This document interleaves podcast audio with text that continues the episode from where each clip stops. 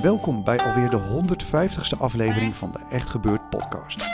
Waarin waargebeurde verhalen verteld worden door de mensen die ze zelf hebben meegemaakt. Deze week laten we het verhaal horen van Martine Bakker.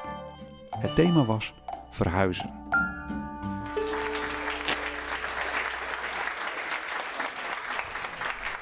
Uh, ik groeide op in Flevoland en had een hele fijne jeugd. Uh, ik speelde heel vaak buiten, uh, paddenstoelen zoeken in het bos, een paard rijden. ik redde ook heel vaak dieren. Zoals bijvoorbeeld um, mossels. Um, die, die vond ik dan in het voormalig Zuiderzeegebied. En die deed ik dan in een emmer. En die nam ik dan veilig mee naar huis en die zette ik dan bij ons in de tuin. Um, toen ik naar de middelbare school ging, toen leek het minder uh, cool om van dieren te houden. En toen ging ik nou, meer van make-up en kleren en jongens houden. En in plaats van dat ik dan de, de, de grootste dierenencyclopedie las, las ik dan de Hitkrant en de Fancy. En ik raakte zo verslingerd aan tijdschriften dat ik uh, ook heel erg voor een tijdschrift, heel graag voor een tijdschrift wilde werken op een gegeven moment. Dus ik, uh, ik verdiepte mijn opleiding en ik zag een opleiding aan het Amsterdam Fashion Instituut, waar je leert um, verhalen vertellen vanuit een merk, maar ook om voor een tijdschrift te schrijven. En zo ging ik naar Amsterdam, naar de modeacademie. En in Amsterdam had ik een bijbaantje bij Zonnebank Studio. En ik, ik, deed een uh, stage bij Cosmo Girl. En toen ik wilde afstuderen, of toen ik was afgestudeerd, toen zocht ik een baan bij een tijdschrift. Maar omdat het zo slecht ging in de tijdschriftenwereld door de recessie, solliciteerde ik ook bij kranten en bij televisie. Maar ik werd nergens uitgenodigd omdat ik geen journalistiek had gestudeerd. Tot ik uiteindelijk een keer wel op mocht komen naar heel veel afwijsbrieven bij een jongere zender om daar nou ja, op de redactie te werken.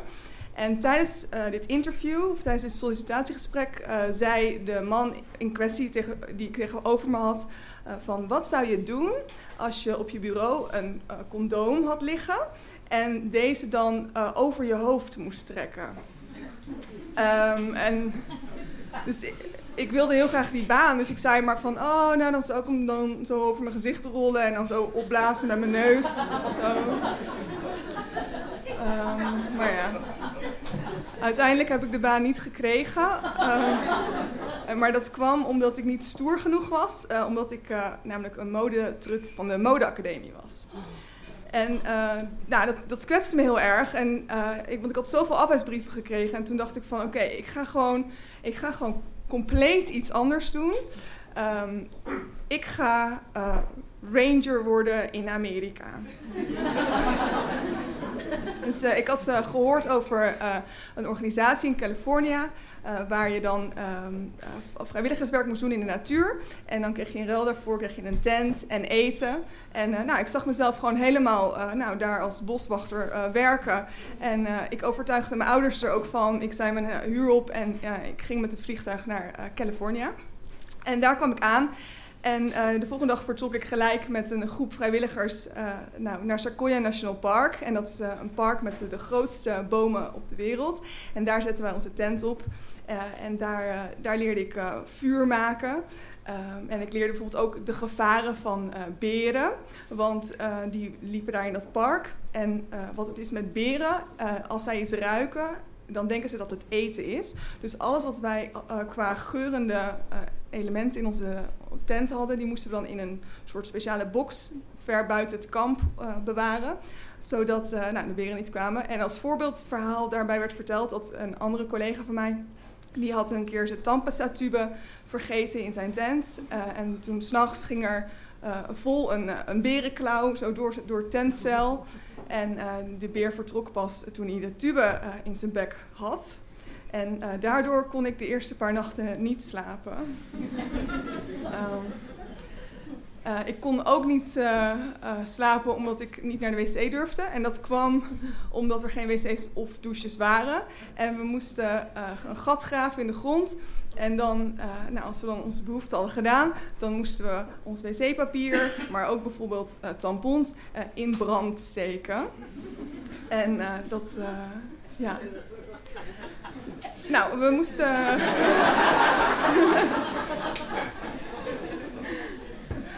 we moesten ook werken, want daarom was ik daar.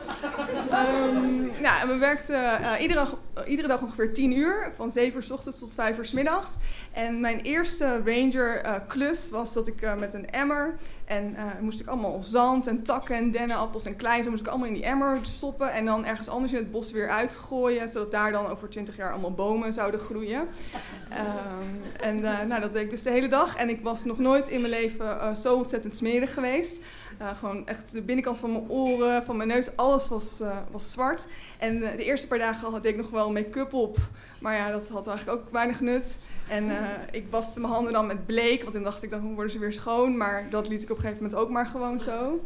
En zo ging ik dus echt van, van fashionista naar nou, bergschoenen, afritsbroek en een heel erg vies stinkend shirt, wat ik echt elke dag aandeed. Um, ja, maar dus het, het gekke was dat dus hoe langer ik daar was, dat hoe rustiger, rustiger ik werd. Want s'avonds gingen we altijd bij het kampvuur zitten en praten over het leven. En uh, nou, het was fantastische natuur. We zagen de zonsondergangen en we gingen hiken en zwemmen in meertjes. Dus ik voelde gewoon ontzettend veel uh, liefde voor de natuur.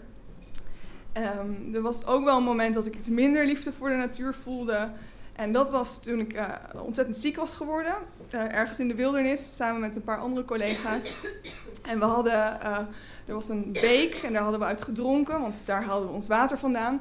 maar er bleek een, een dood hert in die beek te liggen. dus nou, die bacteriën hadden we allemaal binnengekregen.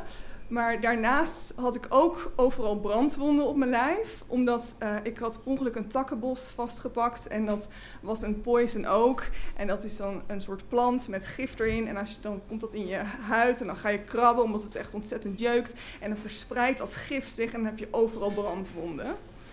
Uh, nou, in die combinatie... Uh, uh, lag ik uh, in een tent en ik was bij een Spaanse uh, collega in de tent gaan liggen. We waren alleen maar aan het eilen en aan het overgeven. En toen gingen we maar al onze geheimen van het leven aan elkaar vertellen. Ook een beetje met het idee van als we dan doodgaan, dan wel met iemand naast me die gewoon echt weet hoe ik ben.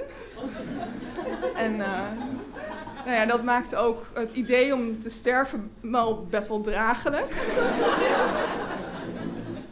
Dus, maar uiteindelijk zijn we wel uh, allebei weer beter geworden. Dus uh, ja, dat is wel fijn. Um, ja, dus, uh, nou, dus toen alles gewoon eigenlijk een beetje van me gestript was. Dat ik, ik voelde gewoon echt alsof ik echt mezelf gewoon helemaal had teruggevonden. Uh, ik, uh, gewoon door al die afwijzingsbrieven ook, uh, was ik heel erg gaan twijfelen aan mezelf. Maar nu dacht ik van ja, als ik dan gewoon vrienden kan maken van over de hele wereld. Of als ik tien uur per dag fysiek arbeid kan leveren. Of als ik gewoon kan overleven met allemaal ziektes in de wildernis. Dan kan ik ook heus wel een baan vinden. dus nou...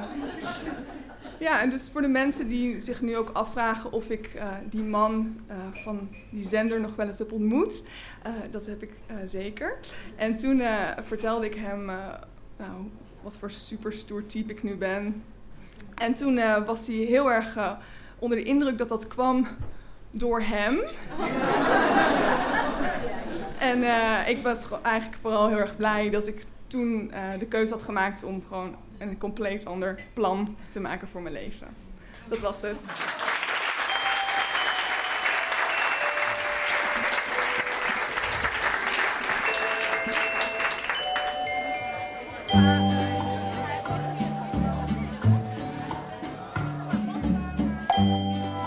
Dat was het verhaal van Martine Bakker. Martine is schrijver, verhalenverteller en zelfbenoemd woordfetischist. Ze heeft met singer-songwriter Bobby Wall het cd-boek Alleen als we samen mogen uitgebracht. Meer info op thestorybakery.com. Echt gebeurd wordt iedere zondag van de maand opgenomen in Toemler onder het Hilton Hotel in Amsterdam. De volgende editie is op 19 november en heeft als thema Suriname. De redactie van Echt Gebeurd bestaat uit Paulien Cornelissen, Micha Wertheim, Rosa van Toledo en ikzelf, Maarten Westerveen. Bedankt voor het luisteren. En vergeet vooral niet om goed door te trekken. Want je weet nooit waar een beer op de loer ligt. Tot volgende keer.